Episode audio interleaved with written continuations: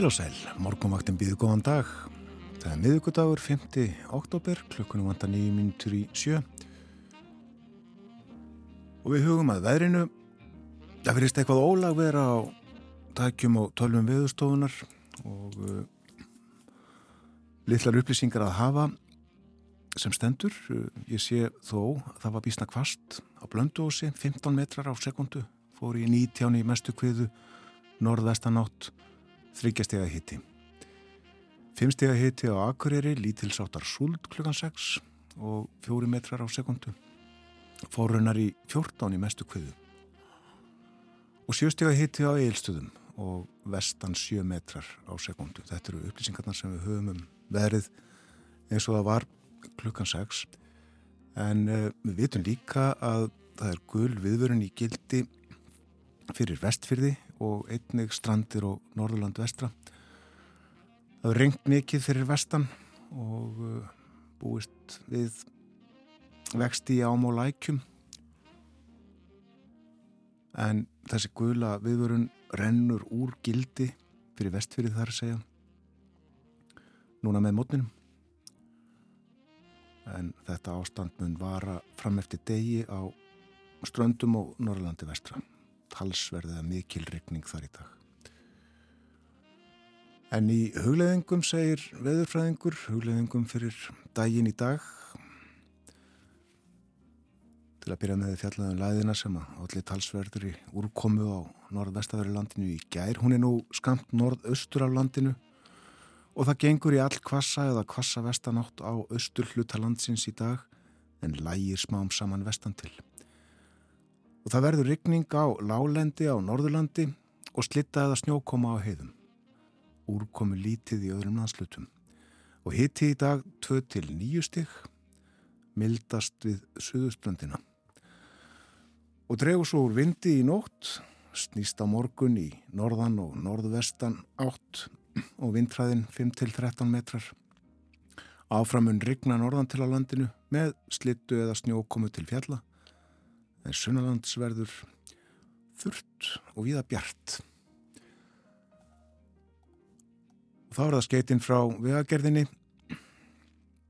Það eru hálkublettir á Holtavörðuheiði, krapi á Haldón, hálkublettir á Þröskuldum og það er snjóþekja á Þurarfjalli og hálkublettir á Öfnadalsheiði. Um veðrið í Reykjavík er það að segja að uh, það var leiðilegt. Rók og regning þegar ég var að leið til vinnu fyrir reyndar rúmri klukkustund. En uh, við vonum að tölvurnar lægist hjá viðstofunni svo við fáum glegri mynda ástandinu. Nú það er ímislegt á dagskrá morgunvaktarinnar í dag. Dönsk málefni til umfjöldunar. Borgþór Argrímsson verður hér eftir morgunfrettir klukkan átta. Við ætlum að tala um framburð í íslensku máli. Þróun, segjum betur frá á eftir. Og uh, annars konar þróun líka til umfjöldunar atvinnu þróun á Norrlandi eistra. En ég ber betur yfir dagskrána það sem er framöndan í kynningu eftir frettinnar klukkan 7 en núna vantar klukkuna 5 minútur í. Hlustum á lag uh, tango 2-1 í tango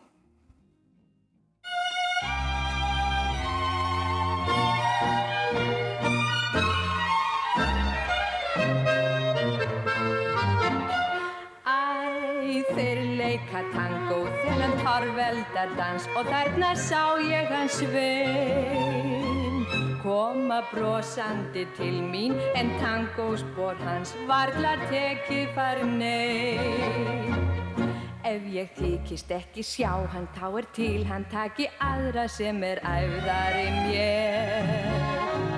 Nei, hann býður mér upp og hinn hann hlakkar til að sjá hvernig fer. Við tango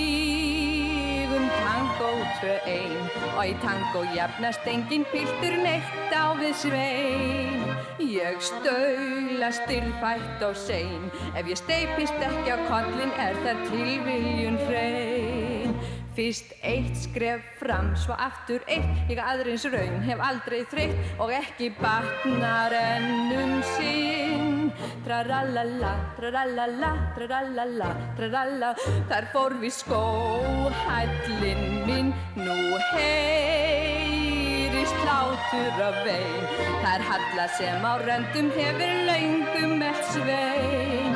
Og henn er mæða og mein Að sitja og harfa okkur dansa tango tvein En við sveitstígum dansinn sem hljómlistinn sé eingöngu ætluðast tvein Og hann kvíslarar látt, heyrðu fæ ég svo á eftir að fylgja þér heim. Ég verð auðvita að láta sem ég hafa alls ekki heyrt mér skiluð kvíslingar hans. Þótt ég vildi raunar helst við færum heim strax eftir þennan örla dans. Við stígum tango tvö einn og í tango jafnast engin piltur neitt á við svein. Ég yrði samt ekki sein að sína num að ég vil ekki lausa köp nein. Nú eitt skref fram, svo aftur eitt, nú gekk það eins og ekki neitt, þá kemur það sem hvíð ég mest. Trarallala, trarallala, trarallala, nei sjáum til, mér tóst það eins og öðrum best. Nú heldur hló ekki nein og halla sér að du ekki fram að glott eða vein. Og að ég ein á hans vein að við stígum eftir þetta okkar tango tvein. Þetta var Erla Þorsteinsdóttir, tvö eini tango söngum. Lægið Erlend Loftur Guðmundsson gerði þennan texta. Erla les, lést fyrir fáinum dögum við fjöldlegum stöldlega um hana í þættinum í gær og leikum þá tvö lög sem hún söng einar hljómplutur á sínum tíma. Og nú þetta, tvö eini tango. Það líður að fréttum hjá okkur á morgunvaktinni eftir þær lítu við í blöðin, ný og gömul. Tvö glæni Ílvolk og uh, eitt blað frá 1897.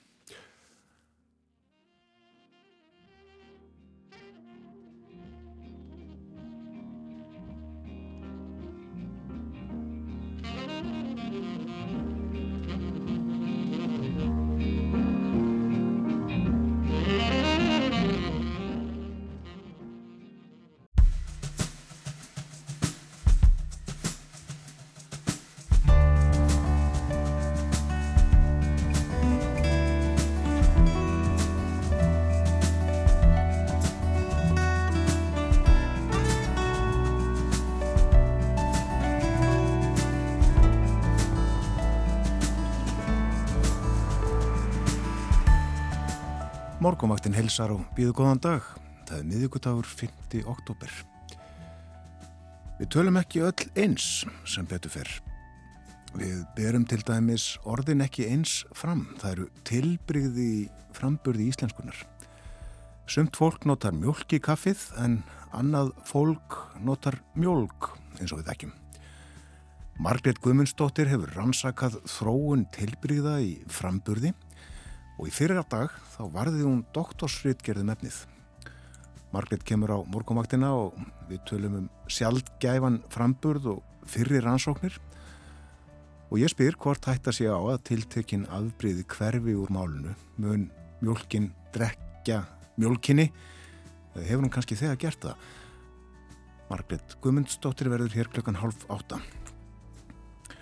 Og út um all land er unnið að atvinnumálum stöðu til leiða, leita til að ebla lífi byggðum og sveitum og treysta undirstöðunar með fleiri og fjölbreyttari atvinnumöguleikum.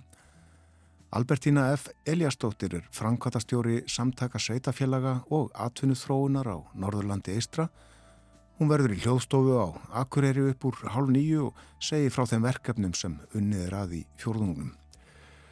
Og svo er það Danmörk, talsvert uppnám varð í Danmörku á dögunum. Drottningin ákvaðað fjögur barnabörn hennar, börn Jóakims, yngri sonarins, verði ekki áfram prinsar og prinsessur. Jóakim brást illa við þessari ákvörðun móður sinnar. Hann var harmi slegin, eins og sagði í fréttum útas. Borgþór Argrímsson fjallar um álið og fleira danst eftir fréttir klukkan átta. Umsjónamaðu morgumvaktarinnar er Björn Þór Sigbjörnsson.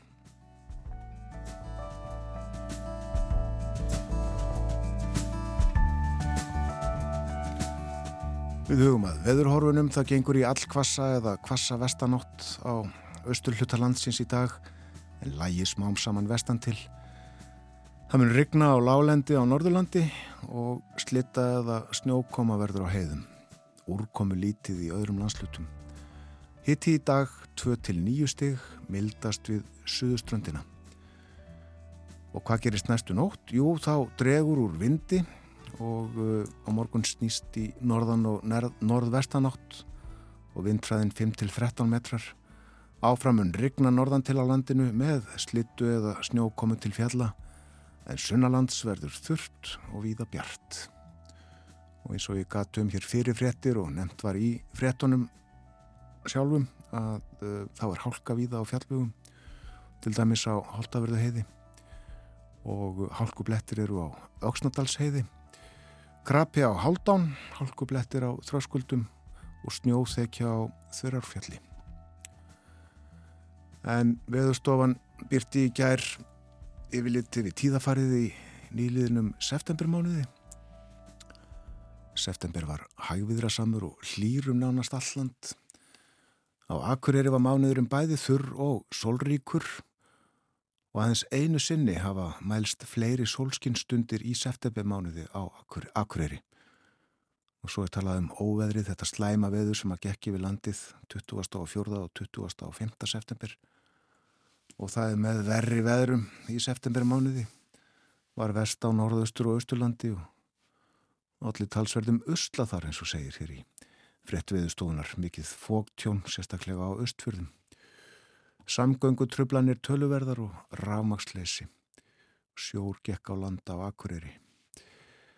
En uh, meðal hittin í Reykjavík var 9,3 stig og uh, það er um það byrj einu stígi yfir meðaltali.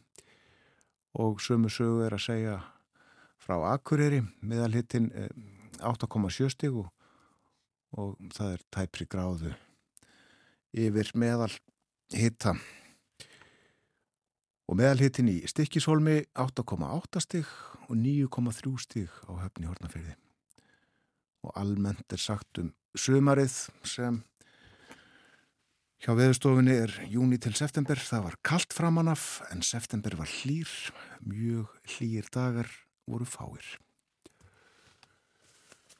Og lítum við þá næst í blöðin, dagblöð dagsins, fórsíðu mynd morgunblaðsins tekin í Skælagún í Kópavogi í gerkvöldi eða Himnalóni eins og blæðið kallar það. En uh, þar komu Bræðurnir Jón og Fridrik Dór Jónssonir fram á tónleikum, þetta voru góðgerða tónleikar. Ágóði rann óskertur til vistheimilisins Mánabergs og annara vistheimila fyrir börn sem geta af ímsum ástæðum ekki dvalið heima hjá sér vegna veikinda eða erfiðra aðstæðina. Og það er fjallaðum Húsnæðismál hér í fórstíðu frétt, Lóðamáli Reykjavík rætt við Kjartan Magnússon, borgarfulltrúa sjálfstæðisflokksins.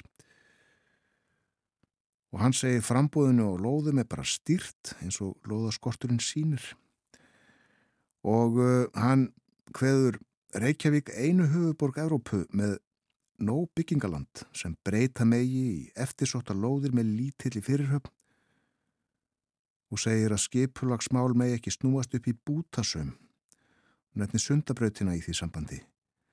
Það er mikilvægt að þetta verði hannað saman, segir hann. Að uh, brautin verði lögð en uh, byggðin í kring skipulögð. Einnig sagt hér frá áformum um að koma á sviflínu úr kömpunum í uh, minni Reykjadals. Þetta erðu eins kilometra langar sviflínur. Svona sviflínur til eh, einum, tveimur, kannski fleiri stöðum á landinu. Manni svipin eftir einni í grend við Viki Mýrdal og uh, þarna sem sagt mikil áform uppi. Einni fjalla hér á fórsíði morgublasins um uh, lækun hlutabrefa í Kaupöld Íslands síðustu viku. Þau mál til umfjöldunar hér á morgunvaktinni í kjærmorgun. En uh, það má sjá á fórsíðu fréttablasins mynd af uh, framkvæmdum byggingun í Slandsbítala við Ringbrödd og framkvæmdunar saða ganga hratt þessa vikurnar. Húsi byrjaði að taka á sig mynd. Ég uh, hef nefndastundun nefndi það í sögumar og fyrir í höst svona það sem ég sá á ferminni til vinnu sá þetta svona tógast upp úr jörðinni hægt og bítandi en uh, nú þegar uh, líður að vetri og myrkrið er allsráðandi snemma á mornana þá sé ég ekki neitt af frangværtasæðinu sé bara rauð ljós á öllum krönunum sem eru þarna. En þetta gengur vel sem sagt, segir hérna fréttablaðið allavega. En uh, fréttin uh, þannig er að ríkið hefur búið sættir í talningamálunu. Við munum það að uh, tveir kærðu talningu atkvaða í síðustu alþingiskostningum í norð-vestur kjördami. Fyrst uh, til íslenskra þar til bara aðila og endingu til mannreittinda domstóls Evrópu, þetta eru Magnús Nordal Pírati og Guðmundur Gunnarsson sem var, er í viðrist og uh, Fanny Rós Þorstensdóttir Ríkislögmaður uh, segir að uh, sættir hafi verið reyndar. En hún tekur fram að uh, málið varði grundu alla spurningar um kostningakerfið og uh, segir einnig að þetta er tímafrækt og yfirgrip smikið hvað gögn varðar. Og það er rætt við Magnús og hann segist frá upphæði hafa verið bjarsinn hvað varðar mála reksturinn og uh, ferlið, segir hann, sem tók við eftir kostningarnar þar sem alþingi samþykti eigin kjör og lagði blessun sína yfir verklæðið í norðvestur kjördami það braud gegn mannreitinda sáttmála Európu. Ríkið ætti að sjá sóma sinni því að viðukenna brot sitt án tafar ráðast í nöðsynlegar lagabreitingar og bæta tjón þeirra sem hlut áttu að máli. Segjum þetta gott á blöðunum, dagblöðum dagsins. Tökum fram annað blað. Þannig er að í dag eru liðin 125 ár frá því að æskan kom út fyrsta sinn. Barnablað með myndum, eins og saði, og það var Stórstúka Ísland sem að gaf æskuna út. Og uh, Það var fjallað um það í svona aðfarar orðum fyrsta tölublaðsins. Æskan er fyrsta barnablaði sem gefið er út á Íslandi. Í öðrum löndum eru víða gefin út mörg barnablöð og hafa þau öll mjög mikla útbreyðslu. Ég er vonust í til að þetta litla blað verði öllum börnum kærkomin gestur og verði vel tekið. Því við erum sannferðir um það að börnin á Íslandi eru eins fróðlegs fús og annar staðar. Og svo er haldið áfram og þetta er svolítið sérstatt svona í ljósi þess að uh, orðin eru, orðinum er beint til barnana. Það segir hér að því að þetta blað er ekki gefið út til þess að græða á því eða hafa það fyrir atvinnuveg eins og hinbluðin, þá getum við haft það svona ódýrt, auðvitað samt með því móti að nokkuð margir kaupi það. Við veitum það vel að mörg börn eru svo fátæk að þau get ekki kefta sem dýrt er eða foreldrar þeirra handa þeim Og það er engum þess vegna að við höfum blaðið svona ódýrt til þess að sem flest af fátækum börnum geti kæfta. Við erum vonumst til að börnum þykir gaman af því að fá alltaf eitthvað nýtt og skemmtilegt til að lesa. Þau hafa sjaldan gagna því sem er í hinum blöðunum, það er vanlega of þungt og einungis fyrir fullunda fólkið, en þetta á að verða handa þeim í staðin. Ef kaupendur verða svo margir að blaðið byrja sig vel eða meira en það, þá verður það ávinningur fyrir kaupunduna sjálfa því þá stækkar það eða kemur oftar út án þess þó að það verði dýrara. Myndirnar verða valdar svo góðar sem hægt verður þegar til kemur og við vitum að börnum þykir alltaf gaman að fallegum myndum og munum að þetta er 1897. Ef kaupendurnir verða margir þá kemur mynd í hverju bladi en annars öðru kóru og áfram er haldið. Í hvert skipti sem þið fáið æskuna eigið þið að lesa hana með aðtikli og ef þið skiljið ekki, skiljið ekki eitthvað þá skulið þið fá skýringu á því hjá fullotna fólkinu, til dæmis fóruldrum ykkar. Ef það er eitt barn sem kaupir æskuna en fleiri börn eru á heimilinu þá eigið þið að lofa þeim að lesa hana líka eða lesa hana fyrir þau. En helst eigið þið þó að kaupa hana í öll í félagi og umfram alltaf kom ykkur vel saman um hana Ef þau eru til dæmis fjögur og eigi sína 15 öðruna hvert, þá getið þið ekki varðin betur fyrir nokkuð hlut annan en að kaupa æskuna. Ég ætla að lesa áfram úr æskunni þessu fyrsta tölublaði sem kom út 5. oktober 1897 fyrir 125 árum. Hér er sagan um Láru litlu. Einu sinni var lítil stúlka sem hitt Lára. Amma hennar var orðin gömul og gráhærð og rukkótt í andliti. Láru litlu þótti ósköp vendum hana því hún var henni alltaf svo góð. Fadir Láru átti hús sem hann bjó í og amma hennar var í herbergi sem snýri í norður. Þar var því kallt og sólinn skein þar sjaldan en í söðurenda húsins, þar sem foreldrar Láru byggu, var bjart og lít. Hvernig skildi standa á því, hugsaði Lára litla, að blessuð sólinn skín aldrei á gluggan hennar ömmuminnar. Hún sem er þá alltaf svo góð og einhverju sinni spurði hún föðu sinn hvernig á þessu stæði en hann svaraði henni því að sólinn gæti ekki skínið á gluggan hennar af því að hann snýri í norður. Er þá ómögulegt að snúa húsinu við svo að herbergið hennar ömmu snúi í söður, spurði Lára. Ertu svona heimsk, litli kjáninninn, sagði fadir hennar. Heldur að það sé mögulegt að snúa við húsinu? Og þótt að veri hægt, þá byggjum við öll að norðanverðu og sólinn skinni aldrei á glukkan okkar. Þættið er það betra. Á þá sólinn aldrei að skína á glukkan hennar ömmu, spurði Lára og horfi einarðlega framann í pappasinn. Ega sólar geistlarnir aldrei að komast inn til hennar. Já, ekki nema ef þú vilt bera þá inn til hennar, svaraði fadrinnar. Brosti í kamp og gekk út því hann hafði svo mikið að gjöra. Að bera sólagistlana inn til hennar ömmu, hugsaði Laura, skildi það vera mögulegt. Hún horfið á blómin úti og henni síndust þau bera sólagistlana, trén báruð á á blöðunum og fugglarnir báruð á á vangjunum. Og meira að segja, henni síndist hún sjálf berað á á höndunum og andlitinu og fötunum sínum þegar hún var á gangi úti. Skildi það hennast vera ómögulegt að bera það á inn til hennar ömmu, hugsaði hún ennþá.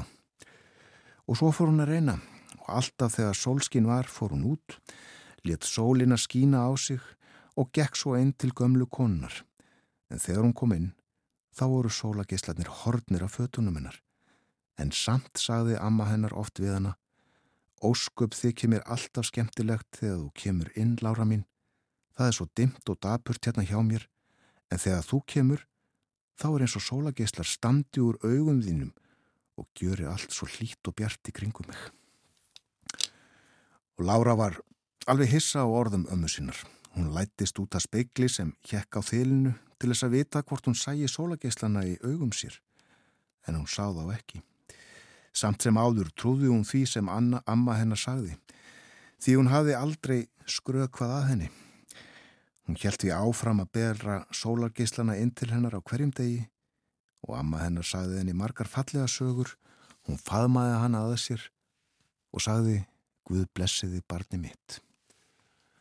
Og svona liði mörg ár, þegar Lára var ung var hún fríð sínum og laglega vaksinn, en þegar hún var á tíunda árinu lág hún langa legu og var alltaf af hálgerðum aumingi, aumingi eftir það. Hún hafði því ekki gaman af að taka þátt í gleði hinnabarnana og hún gæti heldur ekki hjálpað ömmu sinni sem hafði þó svo mikið að gera. Það þótti henni sárast. Hún var því þunglind og hugsaði með sjálfur sér ég lifi til einskis, ég get ekkert gjört í heiminum. En amma hennar hugsaði öðru vísi því Lára bar ennþá inn til hennar sólargislana þótt hún vissi ekki að því.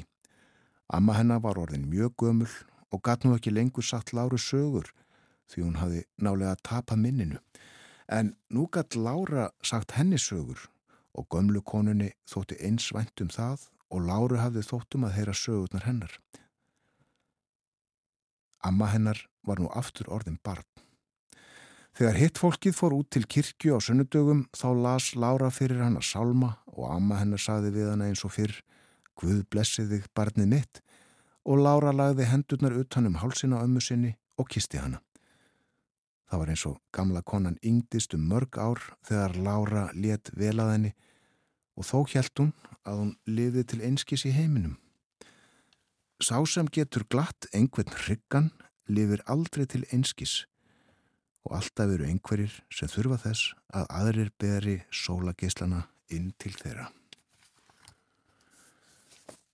Þetta var saganum Láru Lillu í fyrsta tölublaði Æskunar, barnablaði myndum sem að stórstúka Íslands gaf út. Fyrsta tölublaði kom út 5.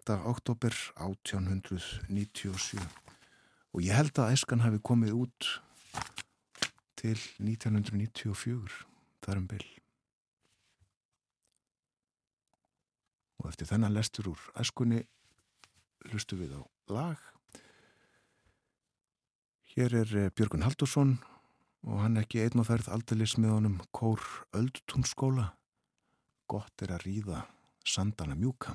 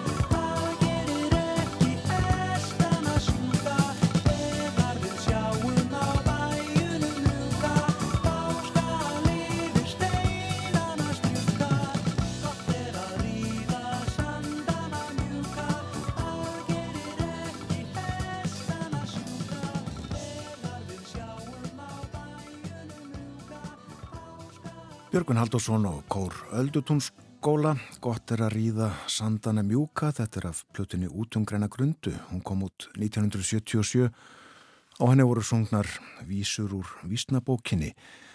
Og árið áður kom út einu sinni var Sistur plötur þá eru Björgvin og Gunnar Þórðarsson og Tómas Tómasson held ég alveg röglega sem að unnur þessar plötur á sín tíma sem voru mjög vinsælar.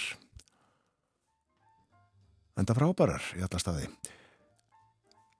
Nú framöndan á morgunvaktinni í dag við ætlum að fjalla um framburði í íslensku máli. Marget Guðmundsdóttir verður gestur minn eftir stuttastund hér eftir fréttaðið Borgþór Argrímsson og Dönsk málefni, það sem er efst á baui í Danmörku á dagskrá eftir morgunfréttir og uh, svo er það atvinnumál, atvinnu þróun verkefnin framöndan á Norðausturlandi.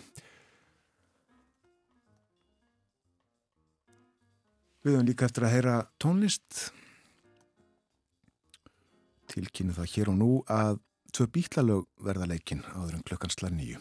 En framöndan, eins og áður sagði frettæðiflitið, fáum það á slæginu halv átta en fyrst auglýsingar.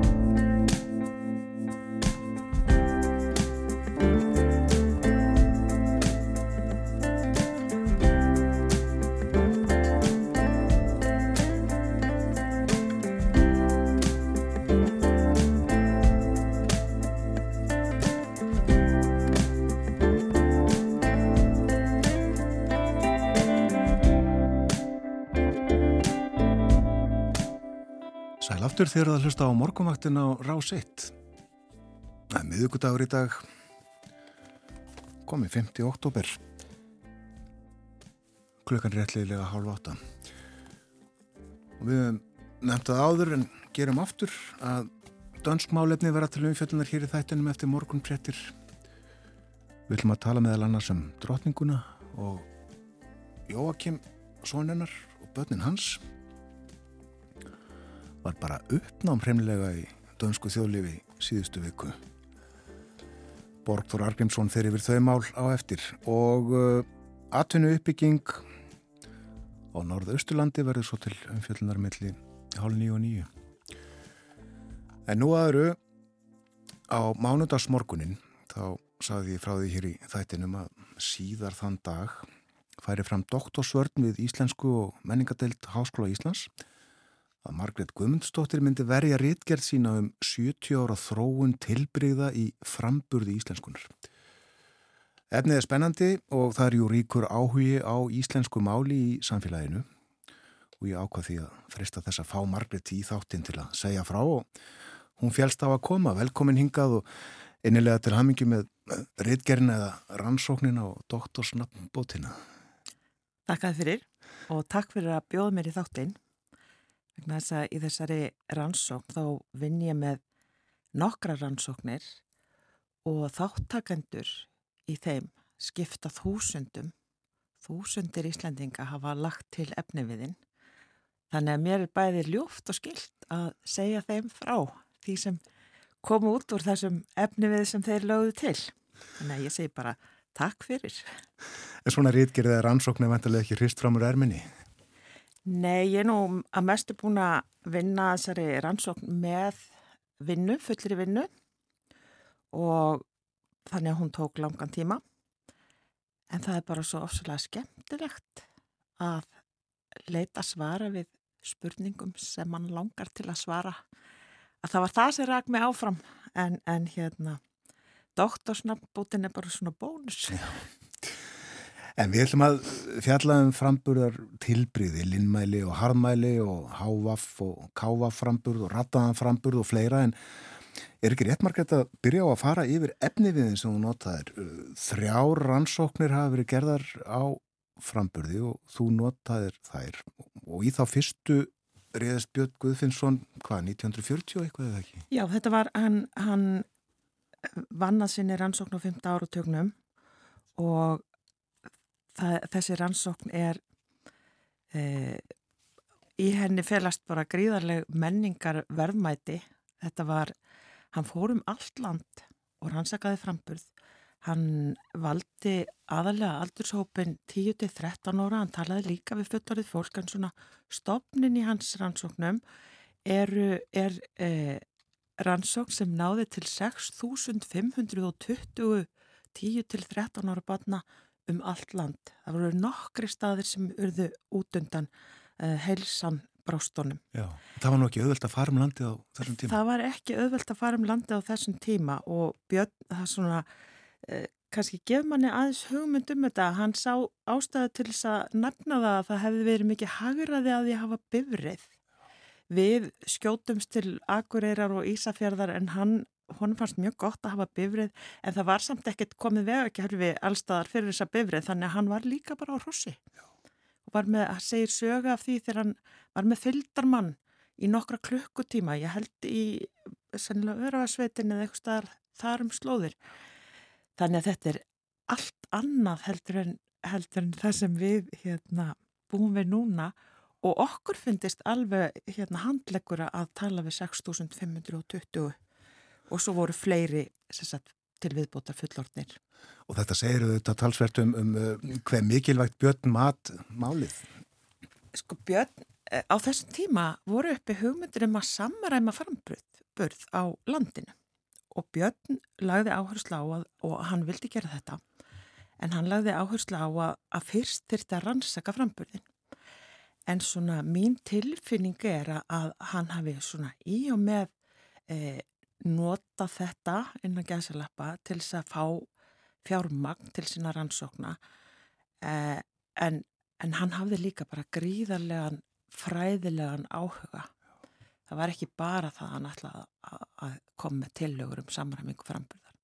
En er tillögur komið fram og, og svona veldust um í kerfinu í daldinn tíma og, og Björn lest svona skömmu eftir að hann var búin að forma þessar tillögur.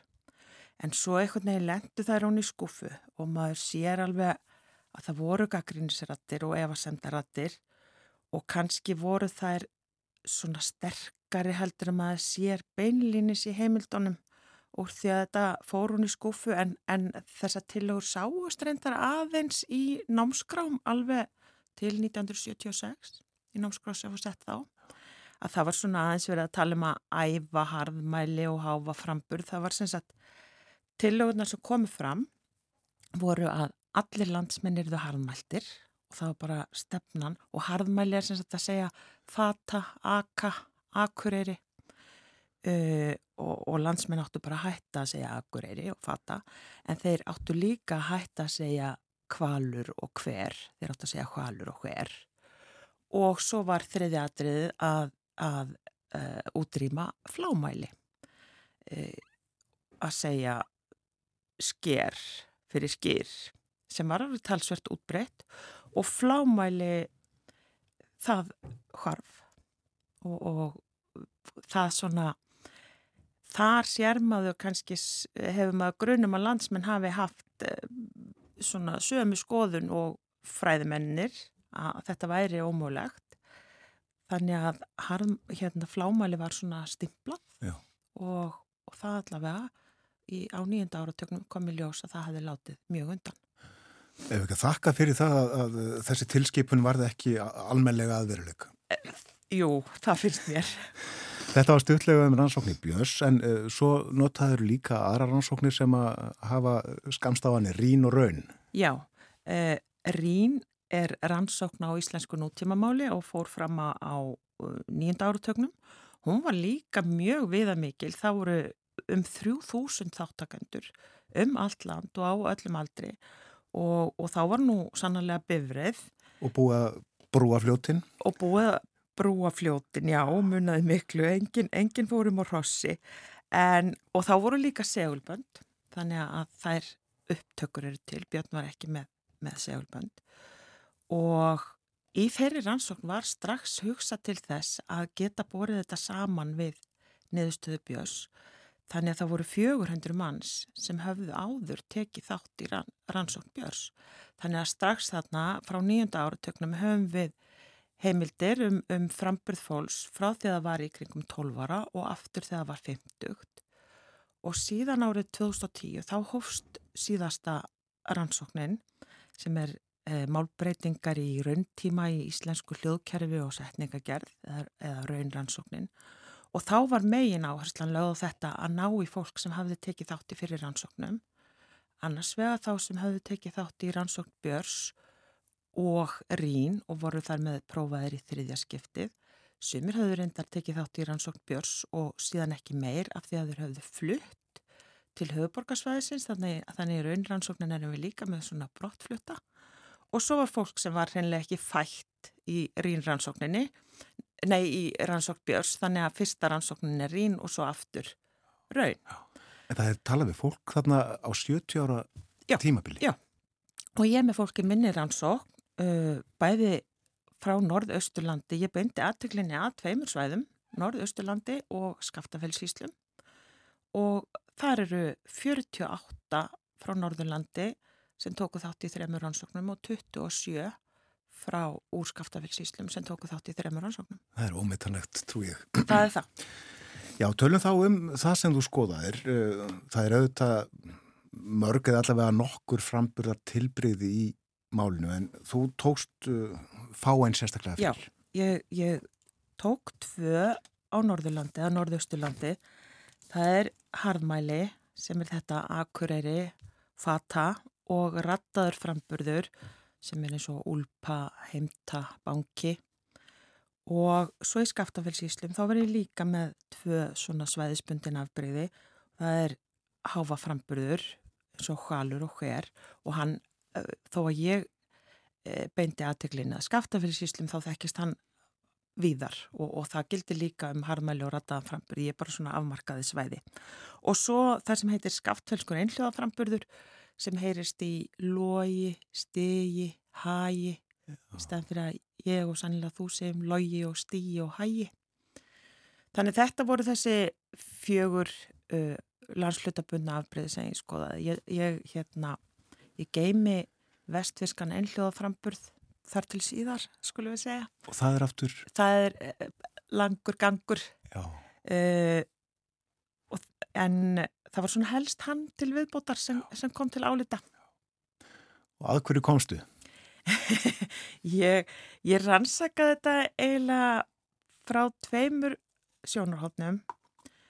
Ég þurfti sem sagt að, að vinna mjög mikið með gögnbjörs til þess að gera þau samanburðarhæf við setnir ansóknir og þegar ég var búin að því þá hafði ég tækifæri til þess að skoða þetta aldrei vel þetta tímabild frá því um 1940 og fram á nýjönda áratugin hvað hefði gerst þá? Að því að þá hef ég svona viða meiri efni við heldur en, heldur en þennan nýjasta, hann er svona svolítið öðru vísi. Þannig ég skoði svolítið vel þróunina bara á, á svæðunum í heild eins og á Norðu-Austurlandi þá voru sko yfir 800 þáttakandur frá bytni og hátt í 600 í rínrannsókninni þannig ég hafði mjög stórt úrtak til þess að skoða hvað hafði gerst. Og fyrir norðan þá hafði nú rattaður framburður úlpa og heimta látið mjög undan á þessu tímpili harðmæli miklu minna en svo sjáum við á, á setni árum. Við rannsökuðum svona ungmenni núna fyrir nokkrum árum á afmörkuðu svæði fyrir norðan. Það, var, það þarf að fara víðar en ungmennin eru frá Akureyri og svona í nágrenni. Og svo hefum við aðra rannsóknir svona frá Ólarsfyrði til dæmis en við sjáum af þessu að rattaður framburður, hann hefur látið mjög mikið undan og hann er bara á fallandafæti eh, hjá sagt, unga fólkinu. Harðmæli er líka núna á setni árum á miklu hraðara undanhaldi hjá unga fólkinu heldur hann var áður en hann er langt í frá að hverfa. En síðan hefur það gerst á setni árum að harðmæli er svona að frekar að styrkjast hjá fullorðni fólki Og það var svona daldi merkileg niðurstaða í þessari rannsókn minni að þó að harmæli sé að láti undan hjá unga fólkinu maður ber saman ungt fólk núna og ungt fólk á nýjunda áratögnum þá er harmæli og undanhaldi en fullarna fólkið sem var prófaði fyrir rannsóknum, það er harðmæltara núna heldur en það var áður.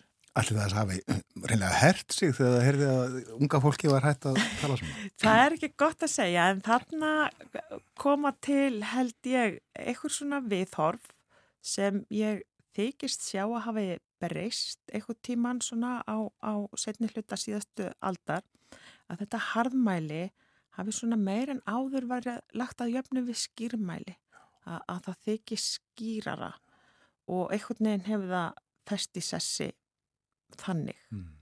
En, en hver framvindan verður með það veit ég ekki. Ég veit ekki hvort þetta unga fólk núna mun síðan auka harðmæli þegar það verður eldra, það verður bara tímin að leiði ljós. Já. En þetta er ekki að gerast í sambandi við röttaðaframburðin.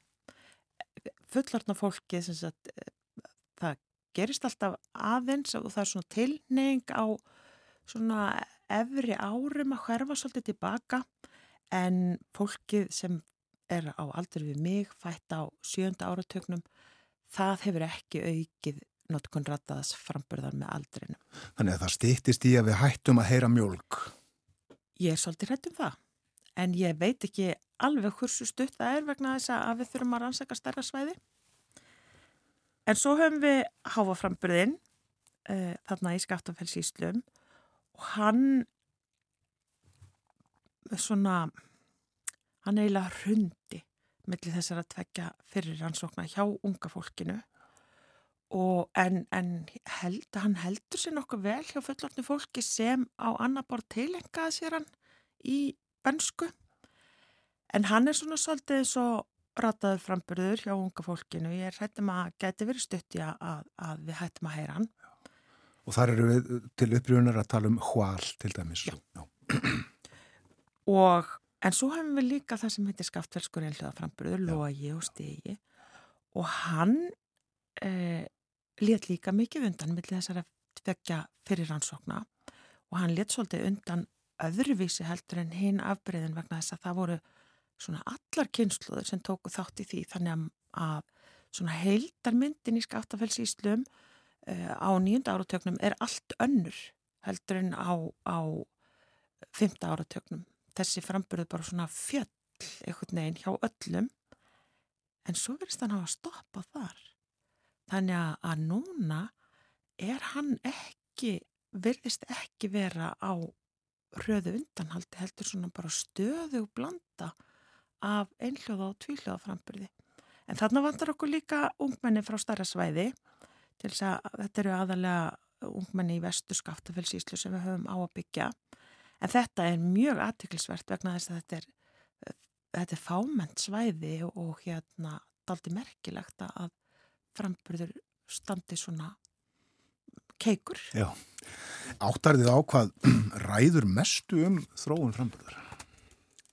Ég er nú að reyna að skoða það í minni rannsókn og reyna að skoða frá fleiri en einni hlið að það séu þarna svona málfræðilegir þættir sem, sem hafa, hafi áhrif.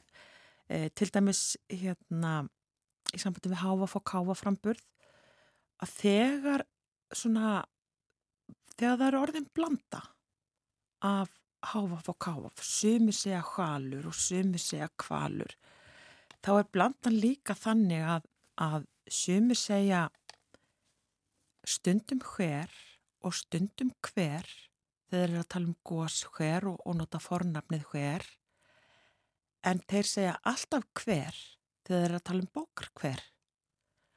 Þannig að börn sem alast upp við svona blöndu þau þurfa að greiða úr svona svolítið misvísandi upplýsingum. Þau þurfa að spurja sig náttúrulega ómeðvitað, betur hvenar er það sem hann velur á milli og hvenar, hvenar getur hann ekki valið. Og þá er svona svolítið einfaldasta leiðin að segja bara alltaf hver. Já. Þannig að svona málfræðilegi þættir geta haft áhrif og svo skoðaði við horft aldrei mikið og út úr því kom svona það sem, það sem var skýrast var að harðmæli neti svona sérstakrar velþóknunar landsmanna. Hinn landsluta bundna afbreyðin þykja ekki mjög fallega eða, eða já, njóta ekki þessara velþóknunar þannig að ég held að það geti haft áhrif á harðmælið sérstaklega. Og svo kom líka út úr þeim rannsóknum að, að hérna, þessi skaftfelski einhljóðaframburður, hann er ekki svona, hann er ekki mjög greinilegur. Þannig að vitundunum þennan mun er ekki mjög skýr. Ég fann það, ég tók svona símaviðtöl og ég fann það alveg að fólk sem notar þennan frambur það, uh, það áttur sér ekki vel á því og það, það heyrði ekki munin þegar ég var að tala um hvort, hvort heldur og myndi segja logi eða logi eða hvort heldur að þið finnist fallegra þá bara heyrði það ekki munin og það getur vel verið að það hafi einhver áhrif á það bara að þessi framburður lifir mm. að, að, að fólk er ómeðvitað um hann. Er ekki nærtægt að uh, segja að fjölminarnir eigi þarna einhvern þátt við þér í útvarpinu? Eflaust getur útvarpið haft talsverð áhrif og Björn var náttúrulega hérna í útvarpinu með þætti um mál og um framburð og útvarpið hefur áraðanlega haft þau áhrifa að fólk kynntist fleiri afbreyðum heldur en það þekkti áður. Það, það hérna, þá fór það að heyra alls konar rættir. En ég veit ekki hversu veiga mikill sá þáttur er. En, en það var mjög skemmtilegt að sjá eða fróðulegt þegar við rannsökum hérna, þessa unglinga fyrir norðan núna Sko, ég er sjálf utan að landi og hérna Árnes Íslu og maður fór svona stundum á Selfoss og, og af og til til Reykjavíkur. En þessir ungu krakkar þeir eru búin að fara svo viða búin að búa aðeins í Danmörk og svolítið í Svíþjóð nokkur ári í Reykjavík og fyrir utan náttúrulega neti þar sem eru engin, engin landamæri. Þannig að samfélagið bara allt er svo breytt að við, við hérna búum í allt örum heimi Það er rétt. Endar þetta margrið með því að við tölum öll eins og uh, þetta verði bara eins og, eins og þegar tilstóða að gefa tilskipun hvernig Íslandi greiði að tala, bera fram orðin. Nei, nei. Það koma bara alltaf upp einhverjar nýjar breytingar og, og sem valda því að við tölum ekki öll eins. Þannig að málið þróast og, og ég held að við hefum svolítið, við hefum að fylgjast með því og bara í bland hafa svolítið gaman að því. Já. Það var gaman að spjallum þetta, þakka er innlega fyrir að koma hinga í þáttinn þennan morgunin. Já, uh, það tekur tíma að rannsaka og skrifa doktorsritgerð. Hvernig eru er svona dagarnir eftir vörnina? Þeir eru satt að segja bara voðalega líkir dögunum fyrir svona tveimur, þremur mánuðum eða eitthvað svolítið. Það búið að vera svona daldi stressandi þetta lokaferli en ég var ekki að þessu einhvern veginn til þess að endilega verða doktor heldur bara er þetta ofsalega skemmtilegt viðfáðsefni og núna þarf ég bara aðeins að hvíla mig og, og leita síðan að nýja viðfáðsefni Aftur kæra þakki fyrir að koma á morgunvaktina. Takk fyrir mig. Margret Guðmundsdóttir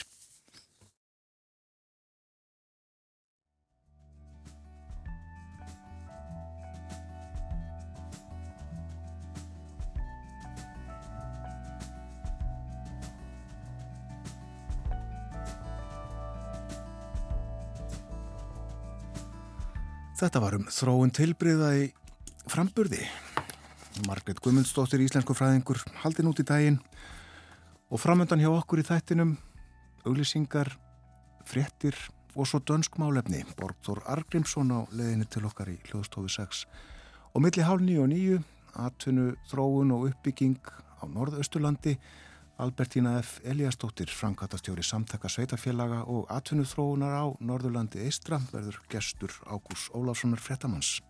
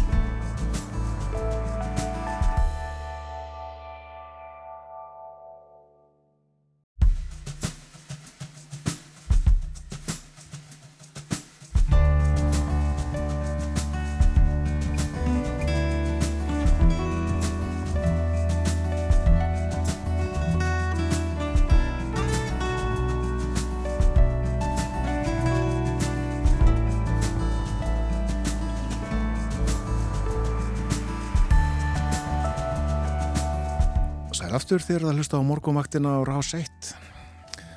Klukkan farin að ganga nýju. Það er miðugudagur í dag og tekið að byrta.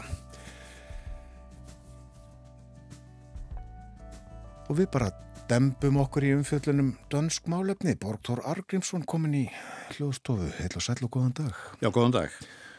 Og við ætlum að byrja á konungsfjölskyldunni, drotningunni og hennar fólki. Vandræðin þar, já það var heilmikið Havari, er það ekki danska? Havari í síðustu viku? Jú, jú, það er, það er danska og það var svo sannarlega Havari og, og þetta Havari það byrjaði nú eiginlega á þriðju deginu fyrir viku þegar að Margreit Þórildur tilkynnti að, að frá að með áramótum þá verði börn Jóakims uh, prins, sinirnir þrýr og einn dóttir ekki lengur með titlana prins og prinsessa. Piltarnir verði að láta sér næja vera grefi og stúlkan grefinni af Montpessat og þetta Montpessat er fjölskyldu nafn Henriks drottingamanns sem er látin. Um, dóttir er reyndar verður ekki strax grefinni, hún er bara tí ára og hún er kölluð komtessi af, af Montpessat. Hvað er það? Það er sem sagt ógift dóttir aðalsmanns eða greifa, eða greifar eftir að sagt. Og þessi titill hann breytist þegar hún giftist og ef að það ekki, hefur ekki gerst þegar hún verður 25 ára þá breytist þetta, þetta breytist við 25 ára aldur eða gifting og þá verður hún grefinni. Og þetta var bara ákverðun Margreta Þórildar?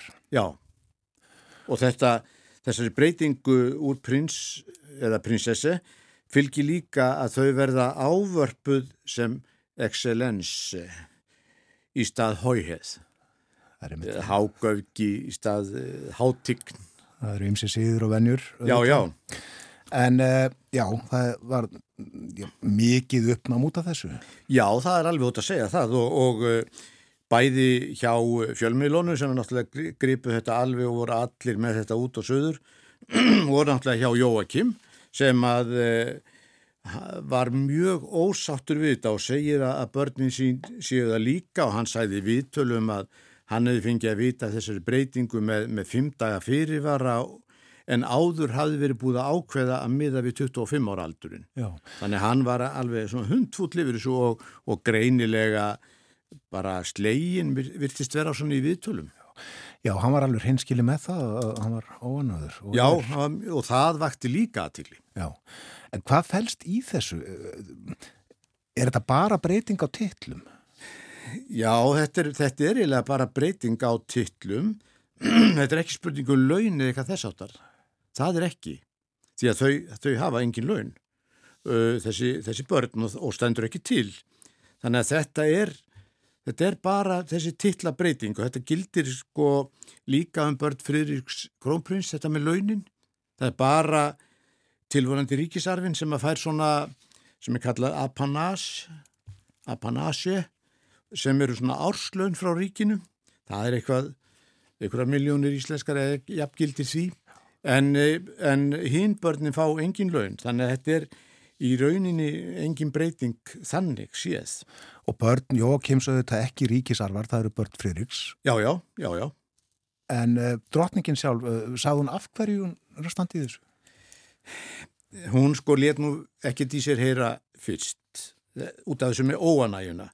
En, en hún sagði að hún var að gera þetta til þess að losa börnin utan ákveðnum skildum sem svo sem engin veit í rauninni hverjar eru og hvort að það breytist eitthvað við þetta ef að einhverja skildur eru það veit maður náttúrulega ekki neitt. En svo sendi hún frá sér tilkynningu sex dögum eftir að tilkynnt var um þessa breytingu og hún var náttúrulega búin að skinja þessa óanæju og undru margra yfir þessu og, og Jóakim var fúll, hún hafði ekki tringt í hann og svona og tala neitt við hann.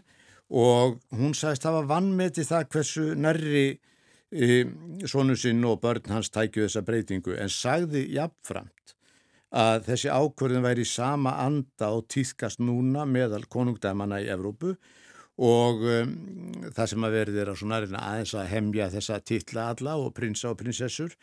Og sumir danski fréttaskýrendur hafa nú sagt að með þessari breytingu þar sé verið að skilja á, svona, mm, á milli krónprinsins og bróður hans og þeirra fjölskyldna og það ætti nú bara svona spátumar náttúrulega. Já, en eins og uh, staðinni núna á stemningin að þá uh, verður andrúrslofti líklega öðruvísi í, í jólabóðinu næsta heldur en var í síðasta en heldur að verði einhver eftirmál?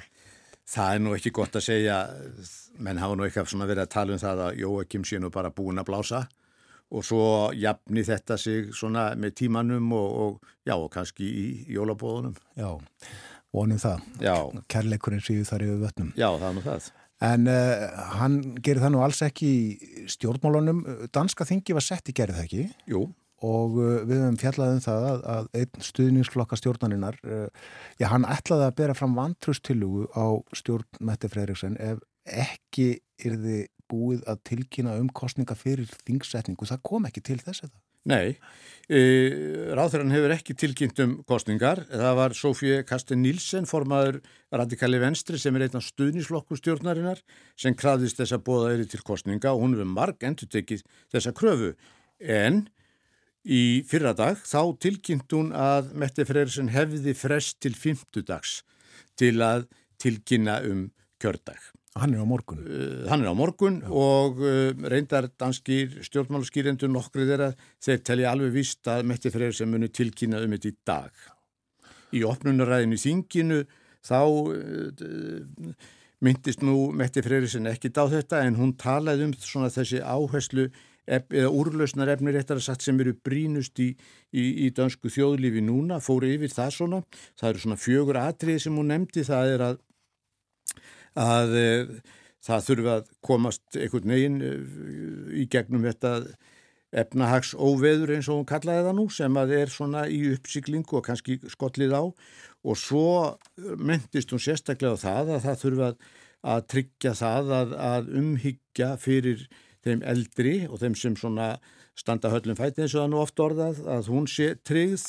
Og um, svo þurfi að bregðast ennþá sterkar við lofslags breytingunum og loftslagsvanni og svo að tryggja það að danir þeir geti lifað góðu lífi og því lífi sem þeir óski. Þetta voru svona þau atriði sem hún nefndi og leitu á stjórnarandstöðu flokkana þeir eru nú alveg sammálar á þeirra um þessi áherslu atriði en sögðust í viðtölum sakna svara um lausnir. Þau hefðu nú engin verið í ræðu uh, Mette Freiriksen en það er svona kostningatýtringu náttúrulega í loftinu. Já en svo er eh, annað sem hún, eða eitt sem hún tilkynnti fyrir svona tíu dögum er hugmynd sem hefur nú valdið mikill í umræðu með allt annað, hún nefndi það nú ekkert í, í þessari ræðu sinni í gæri en það átti hann og kannski gerði því þákað og svo hugmynd gengur út af það að stitta mistaranámi í ymsum greinum í háskólum landsins úr tveimur árum í eitt. Þannig að að loknu býja námi þá taki við eins árs mistaranám. Þetta vakti mikla aðtili á þetta að gilda um allt sem að kent er í háskólunum í Danmarku? Ráðræðan vildi nú ekki nefna sérstakar greinar en sagði að þetta myndi nú ekki gilda um allt en nefndi þó félagsvísitt á samfélagsgreinarnar. En þetta er alveg óútfært og útiloka að segja hvort að verði nokkuð af þessu. Ráðræðan sagði að þetta væri ekki spartnarhugmynd, heldur væri ætlun að bæta í kjensluna og ná sama árangri og áður á skemmri tíma og og þjóðfélagi þyrta á því að halda og, og þetta væri því besta mál eins og, eins og sagt var. En svo hvað verður, það náttúrulega vitum við ekki. Og hvað segja skólamenn? Þeir hafa mikla refasendir og uh, finna þessu nú flest til, til foráttu. Uh, sko, eitt líkti þessu við, notaði svona dæmi sem að Dani myndi skilja, sko, hann líkti þessu við að steikja önd í opni Þú getur ekki steikt önd með því að hækka bara hitan í 400 gráður í 30 mínútur. Það er, það er, það er ekki rétt aðferðin við að steikja önd. Það fer illa. Já, það er náttúrulega alveg ókomið í ljós eins og ég sagði hvort að verður eitthvað úr þessu en þetta er þetta mikil breyting ef að, ef að verður. Já, við fylgjum með þessu áfram. En uh, þetta er ekki að hausta og uh, haustinu fylgir lægri loftiti eh, mun kólna, við vitum það. Eh, margar þjóður Európu hafa miklar áhyggjur af orkuskortinum í álfunni og, og hækkandi orkuverði. Gildir það um Dani? Já, það gerir það. Eh, Danir hafa nú í ára tugi haft áhyggjur af orkuverðinu því það er mjög lengi verið hátt. Og Núna hefur verið á gassi og rafmagni hækkað og, og margir leita alls konar leiða til að bregðast við, sala á svona brennsluopnum eða kamínum eins og þetta er nú kallað, hefur alveg stór aukist og, og framleiðendur hafi ekki undan og sala á brenni eða semst eldi við hefur líka aukist mjög mikið. Brenni hefur nú ekki verið á vinsaldalista fingralangra en núna er farið að bera á eldi við að þjófum. Hvað segir þau? Og bara bara talsvert, margir geima eldiviðin utan dýra og kannski auðvelt fyrir þjófa komast í þann varning. Og það er sem sagt, nú eru fann að hverfa alveg heilu, heilu hérna hlössina þessu frá húsum. Og ég las nú líka í einu dönsku bladana að, að sala á hýtateppum eða svona rammasteppum hefði aukist mjög mikið. Það er, og það fylgdi þessu ykkur útreikningar, það væri e, ódýrar að hýta einn kropp heldur en alveg heilt herbergi og e, menn geti bara fýradaldi upp í ramasteppinu svona e, undir sanginu og svo slökku, slökku þeir á og farið svo að sofa og vonið því besta. Ég sá líka auglýsingu á, á e, svona hýtateppum fyrir ketti. Það má nú ekki láta kísulórutna náttúrulega líða fyrir kulda. Svo, er, svo hefur þetta náttúrulega haft miklar afleggingar svona víðar, bakarar margir, það er lokar núna eitt bakari á viku minnstakosti í Danmörku bakar að segja bara að þeir bara get ekki það þýð ekki fyrir að hækka verðið fólk bara sett sér ekki við það og ráefniskostnaðin hafi aukið svo mikið og náttúrulega orku kostnaður líka og þeir hafi bara engin ráð önnur en snúa liklinum í skráni og, og þetta gildi líka um veitingastæði. Það eru fjölmarki veitingastæði sem hafa bara gefist upp, gamlir og grónir, grónir staði. Ég var nú bara að lesa í fyrradagum um 120 ára gamlan staði í Kaupmannahöf sem að, sem að hann, þar segir, þar segir ráðamadurinn að hann bara get ekki haldið þessu gangandi. Og þetta, þannig að þetta tekur á sig, þetta tekur á sig marga myndir. Bakarófnandi þurfa sitt Já, bakarófnandi þurfa sitt og þeir, þeir um, náttúrulega stefna mjög indreið að því að, að vera ekkit háðir einhverju innfluttu gasi og er núna að tala um það að, að kveikja aftur undir gömlum orkuverjum sem eru kynnt með kólum og, mm. og svo náttúrulega brína fyrir fólki að spara. Og, og, og þú á nóttinni og eitthvað svona þegar rammagnir er út í rast og reyna að, að hérna jafna svona einhvern veginn á læginu. Og þannig að þetta þetta kvílið þúnt á þeim. Já. og eins og, eins og náttúrulega mörgum öðrum þjóðu Þetta er ófremdar ástand. Þetta er já. ófremdar ástand, já. En áhugaverð sem þú segir að bakarinn tellir sér ekki geta veitt hærri kostnaði út í verlaðið og bröðinu Nei, og þeir þetta er náttúrulega þar eins og við þekkjum hér að það er flutt aldrei inn af svona einhverju frostnu sem er svo skellt í opnin og, og þá kemur nú alveg svona góð bökunarlikt og allt það sko og það er, kemur frá einhverjum svæðu þar sem að launin eru lægri og svona. Já. Sem þetta gott að spjalli, Borgþór, hvaða lag ertu með í farteskinu fyrir okkur í dag að spila? Já, það er nú fastilegu hjá okkur hérna. Já. Það er Fiskerens sang, söngur sjómansins, segjum við. Það er hljómsveitin e, Ván og Vagabondin, eða Vagn, segjum við nú bara íslensku sem flýtur þetta. Um, hljómsveitastjórin, þessi Ván, hann samti lag og texta og þetta var hljómsveit sem stopnuð upp úr 1970 og starfaði vel fram yfir aldamótin og gaf úr 20 plötur. Og vinsal eftir því? Já, vinsal eftir því og svona þetta er aldrei stuð hljómsveit svona. Já. Smástuð hér á morgunvaktinni kæra þakki fyrir í dag Borgþórar Grímsson. Takk sem leiðis.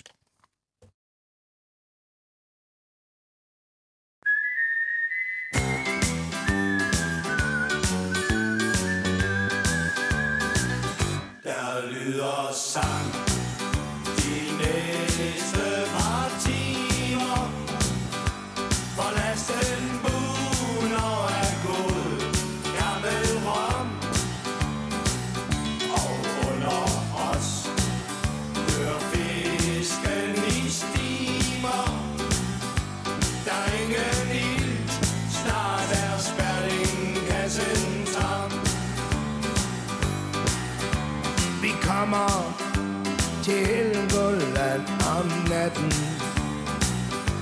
Og stiler mod café den gule galej. Hvor lis vi kalder superfrigatten For vind i sejlet hos Jungmann Kai Paraguay.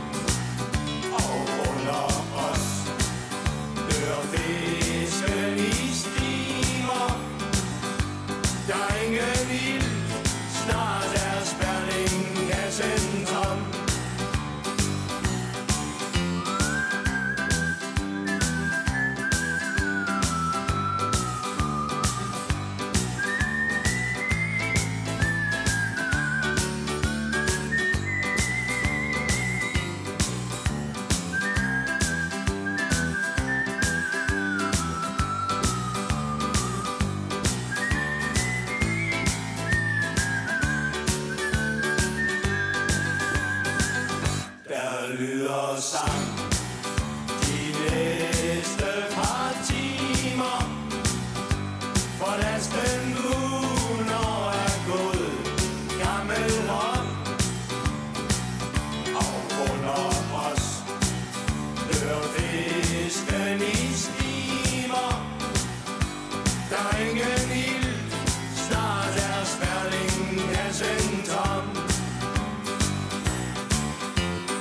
Sejler fra Helgoland mod Skagen.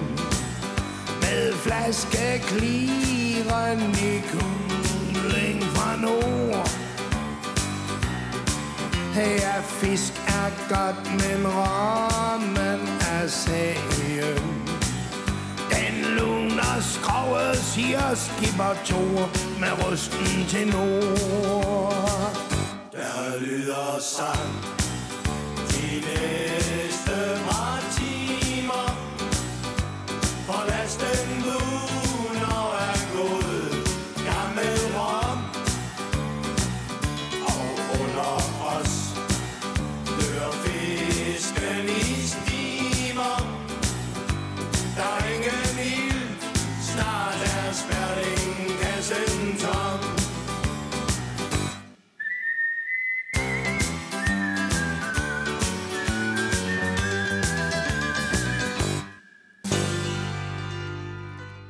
Líf og í þessu söngur sjómannsins. Borgþór Argrimsson valdi eftir spjall okkar um dönsk málefni og við komum víða við í dag, töluðum um dönsku drotninguna og ákvörðun hennar um að börn Jóakims, yngri sonarins, verði ekki frá með næstu áramótum prinsar og prinsessa. Nei, þau verða láta sér næja verða greifar og greifinja. Og svo verða stjórnmálinn, það er búist við að Mette Freiriksen fósættisáþra Danmerkur tilkynni um kostningar í dag að þær fari fram fyrr heldur en þær þurfa að fara fram sem er sem sagt næsta sumar. Sikvað fleira var líka til umfjöldunar. En uh, hér eftir fréttaeflitið sem að kemur eftir 6 mínútur tekur Ágúst Ólafsson fréttamaður á Akureyri á móti Albertínu F. Eliasdóttur Hún er frankantastjóri samtaka sveitafélaga og atvinnuþróunar á Norðurlandi Eistra. Við ætlum að forutnast um hvað er á hennar borði.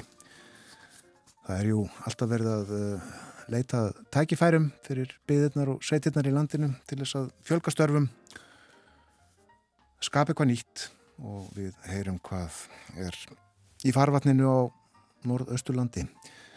En eins og áður sagði frétta heilut eftir stuttastund og fyrst auðlýsingar, allt með höfbundum hætti hjá okkur á morgunvaktinni.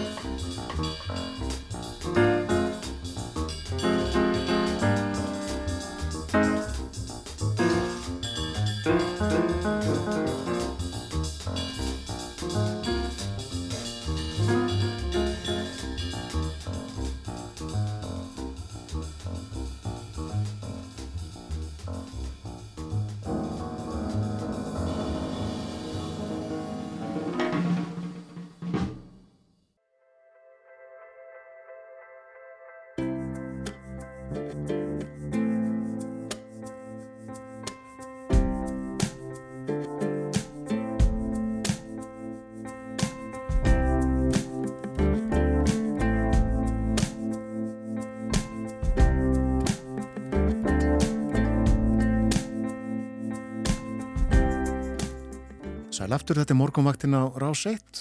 Við erum fréttaði við litið hér áðan og uh, við það sem er fréttnæmt þennan morgunin er því að bæta að vextinnir hafa verið hækkaðir enn og aftur og að þessu sinni um 0,25% og megin vexti Sælabankans. Hér eftir þar til vextir verða næst ákvarðaður 5,75%.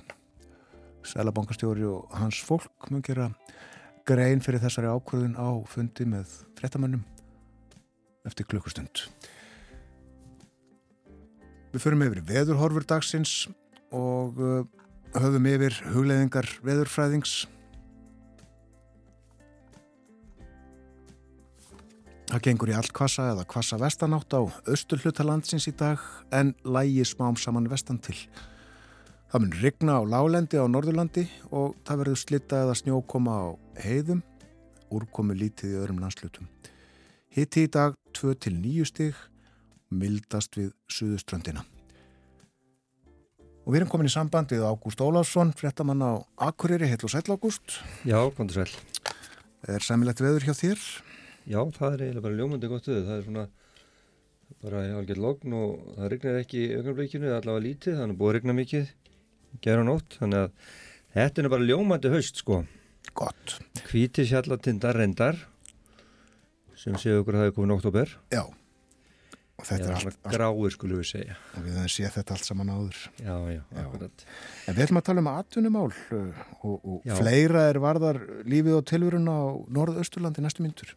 Já, gestur minn er með margt í höndunum, Albertína F. Eliasdóttir, frangvæntistjóri samtaka sveitafélaga og atvinnuð þróunar á Norrlandestra sem við kallum SSNE. Einmitt. Velkona morguvakt. Takk hérlega fyrir. Þú, þú ert bara nýlega tekið við þessu starfveiksat. Jú, ég tók til starfa 15. júni síðastliðin, þannig að það er nú skamt síðan. Hvernig líst þér á? Heyrðu, alveg svakalega vel. Það eru, má segja, forréttindi að fá að starfa með sveitarstjórnastíðinu. Þetta er náttúrulega það sem að sveitarstjórnastíði snertir fólk miklu nær, miklu persónulegar og má segja hefur á mörguleiti meiri áhrif. Já. Og hérna, það er bara virkilega gaman og svo líka bara svo gaman það er svo mikil kraftur í fólki hérna á Norrland eistra núna og, og virkilega gaman að, fá að fylgjast með líka svona bak við tjöldin, hvað það er mikil kraftur. Hver, hvert er ykkar starfsvæði svona landræðilega séð? Heyrðu, við náum allaleg frá Siglufyrði og að Bakkafyrði. Þannig að það fyrir tölvöru tími hjá mér að, að setja í bílunum og gera mellir staða. En, en náttúrulega þöks í COVID þá náttúrulega er fjárfunda búin að öru norðin þannig að það er líka mjög auðvöld að tala saman á milli. Og ég er náttúrulega með starfsmenn út um allt svæðið. Við erum með starfsmenn á Tröllaskaga, hér á Akureyri, Húsavík, Grauvarhöfn, Bakkafyrði og stundum í Grímsey. Já. Og öll eru þau ofsalega flink og það er svo gaman að starfa með svona kraftmiklu fólki og, og bara já, ég hef góða tilfinningu fyrir framtíðinni. Svo eru kollegarnir eh, á Östurlandi og, og, og, og kollegarnir á Norrlandi vestra. Jú, jú, Er, eru tengsl, er samstarf á milli þessara landsluta samtaka? já, það er náttúrulega eru náinn tengsl á milli okkar hérna á, á, hjá SSNVF og Östufrú en, en landsluta samtökin öll á landinu starfa mjög náið saman og við fundum reglulega og bæði bara saman og líka með byggðarstofnun og hérna enda erum við að gera, þó að við séum að gera það í ólíkum landslutum og vissulega ólíkar aðstæður, þá eigum við samt svo mikið samiðilegt. Og landstingi, landstingi sambandsins sem var haldið hérna á síðust, í síðustu viku, það er einmitt rosalega gott dæmi um það og rosalega gott fyrir sveitarstofnarfólk að hittast og átta sig á því að það, er, það eru allir í grunninn að díla við eða að glíma við sömu vandamálinn og það er svo dýrmætt að geta hitt aðra og, og lært, Já. læra á hvort öðru og standa saman einmitt líka í hagsmunagjastli. Hvernig gengur ykkur, uh, þú, þú hérna segir að það, það er mikið, uh, mikið á borðinu og ég veit að þú ert með langa lista verkefni sem þú ætti að vinna, vinna með.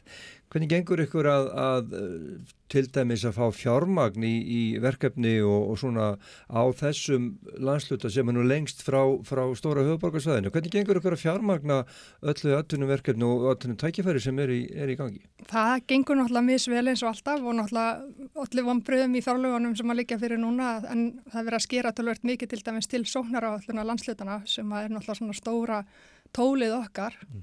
til þess að koma verkefnum í framkvæmt. Svo er náttúrulega má líka nefna að það er verið að skera niður líka til atvinnur áðgjafar sem er líka óhefilegt. Mm.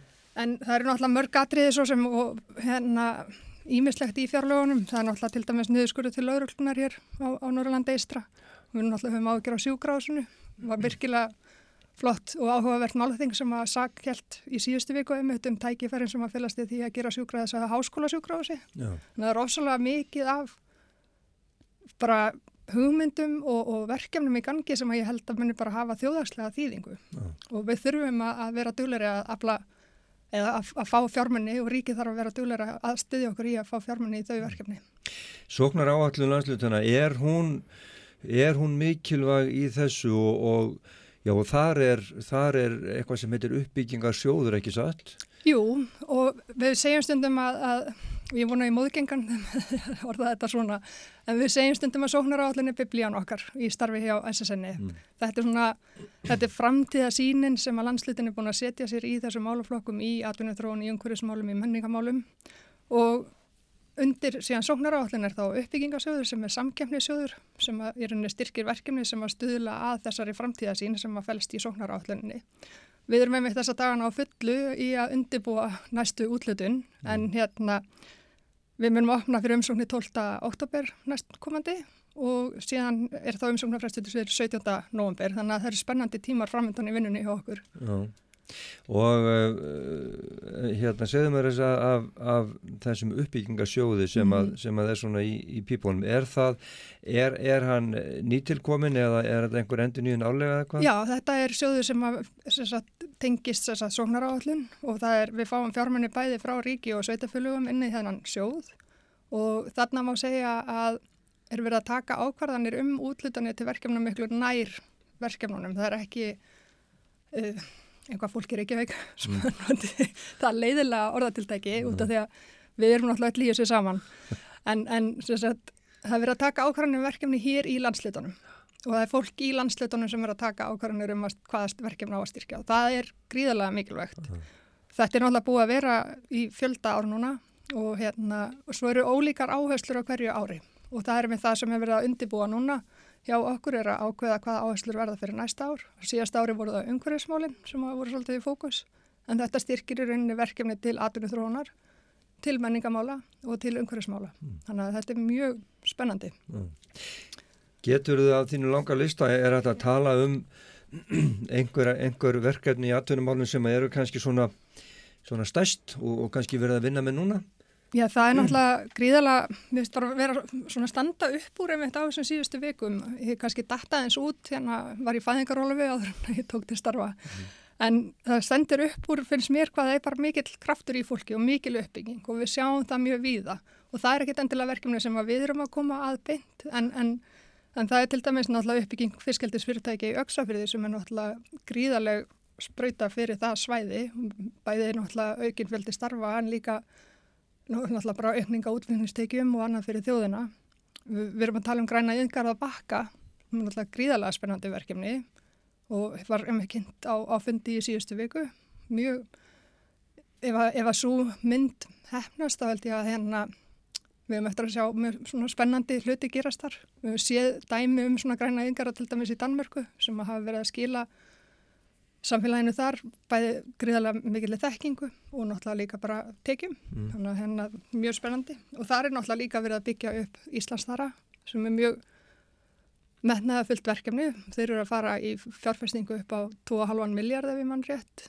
Annars er 1,5 miljard á húsæk og miljard hér á Akureyri. Það er verkefni sem að mun krefjast mikill að sérþekkingar. Sem sagt fólk sem er með ákveðna sérþekkingu Það verður ekki mjög mikið af, af, sagt, af störfum sem að hérna, já, það, þau eru komin í samstarfi háskólan á Akureyri til dæmis til þess að byggja upp námslínu til þess að geta mentað fólk á þessari, þessari línu. Við höfum við tjallað um það að þetta er, þetta er svona full vinsla á, á þara og, og, og efna vinsla úr þaranum, efni fyrir snirtuvöru og jáfnvel lífjamarka. Já, einmitt og þarna er náttúrulega verið að nýta auðlindir Íslands Mhm. og hérna sem að hafa leið og snertar fram að þessu.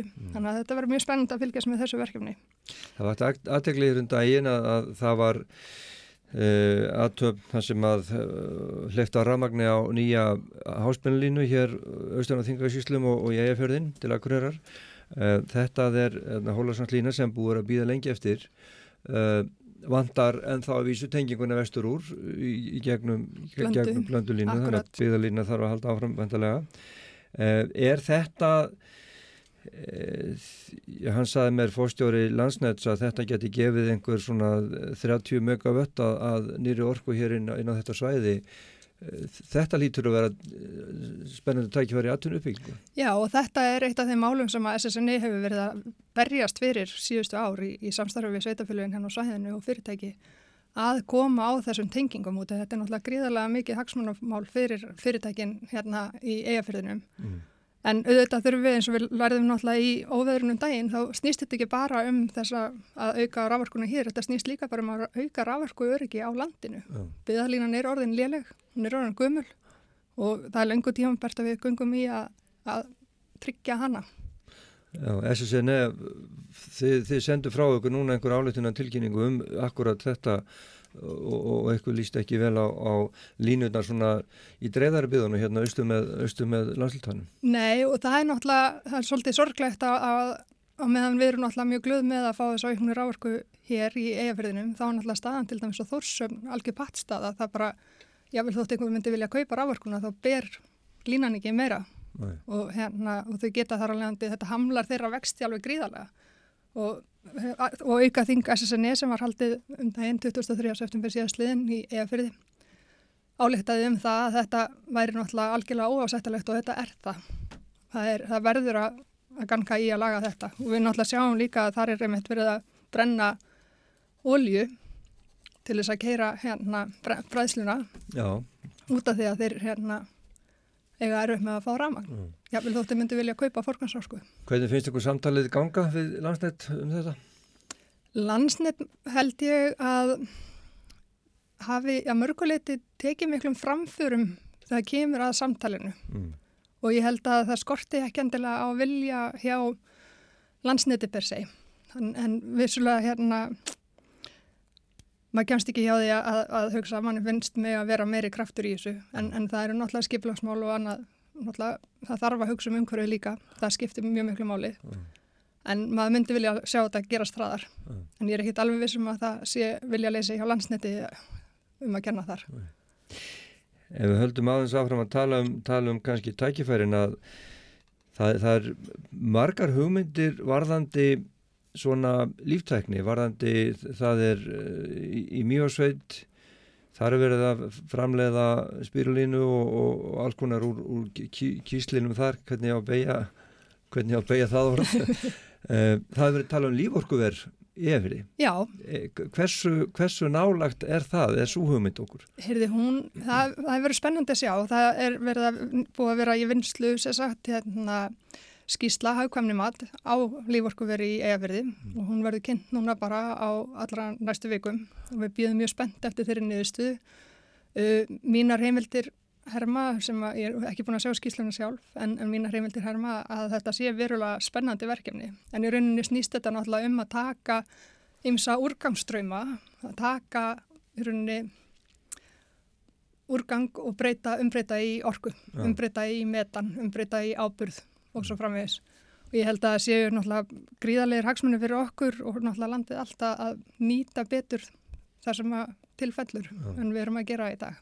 Er þetta molta ábörður, lífræðin ábörður frá, frá kindum og kúm og, og, og bara alls konar? Já, ég er raunin að taka allan hennan lífrana úrgang og, og svo sem fleira og, og hérna umbreyta einmitt að kreist úr honum oljuna, hérna sapna metaninu og svo náttúrulega endar við með moldu. Hvað er langt í þetta?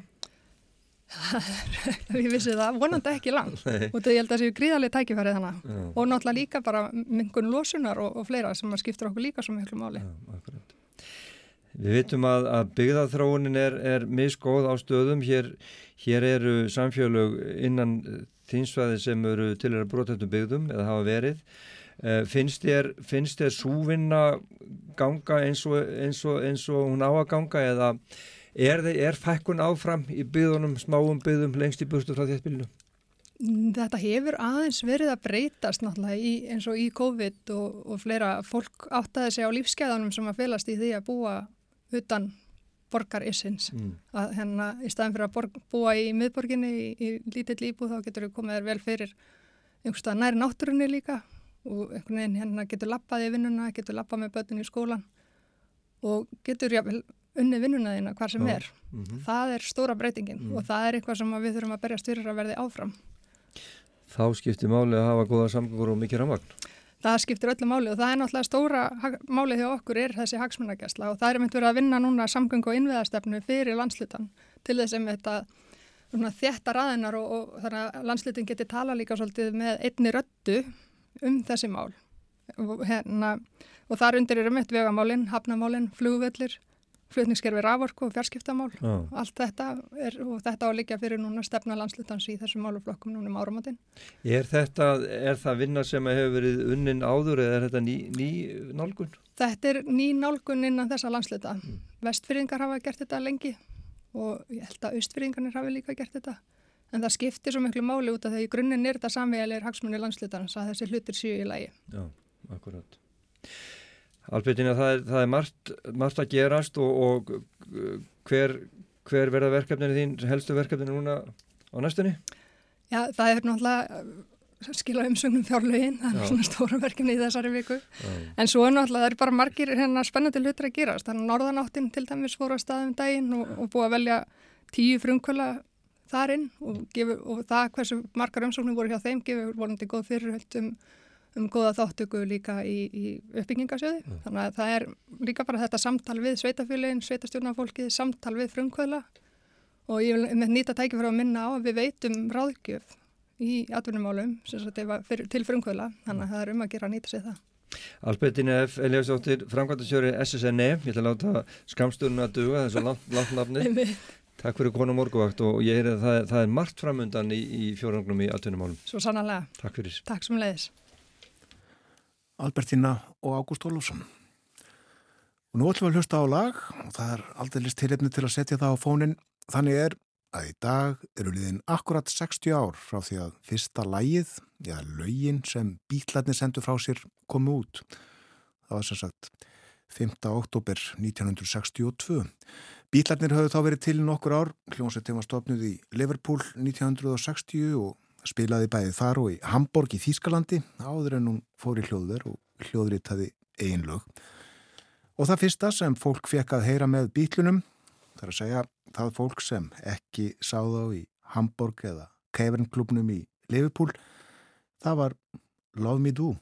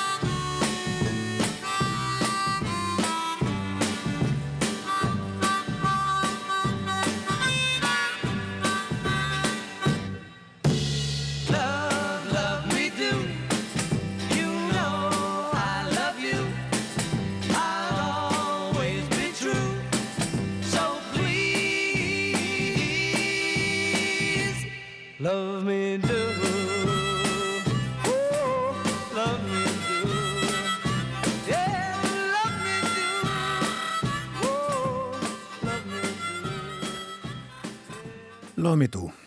Má geta þess að John Lennon leik á munnhörpuna. 60 ár frá því að þetta kom út, smá skífan með Love Me Do og við snúum plötunni við. Á bakliðinni, bjelliðinni var þetta hér. As I write this letter,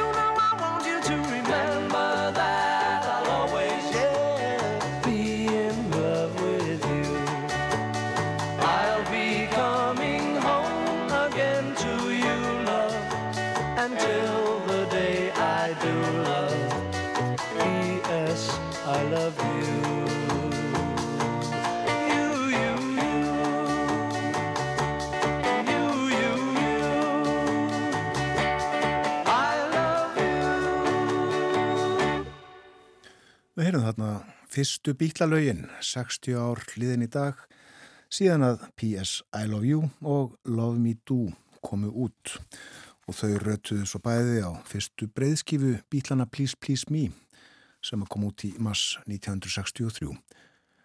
En það er komið að lokum morgumvaktarinnar þennan daginn, klukkan alveg að verða nýju, vantar rúmar fimm mínútur. Þáttunum verður á sínum staði fyrramálið og uh, þá verður meðal annars Bói Ágússon hér heimskluggi eftir morgunfréttinnar. En ég heiti Björn Þór Sigbjörnsson, þakka samfélgina frá því fyrir klukkan 7 í morgun, verðið sæl, njóti dagsins.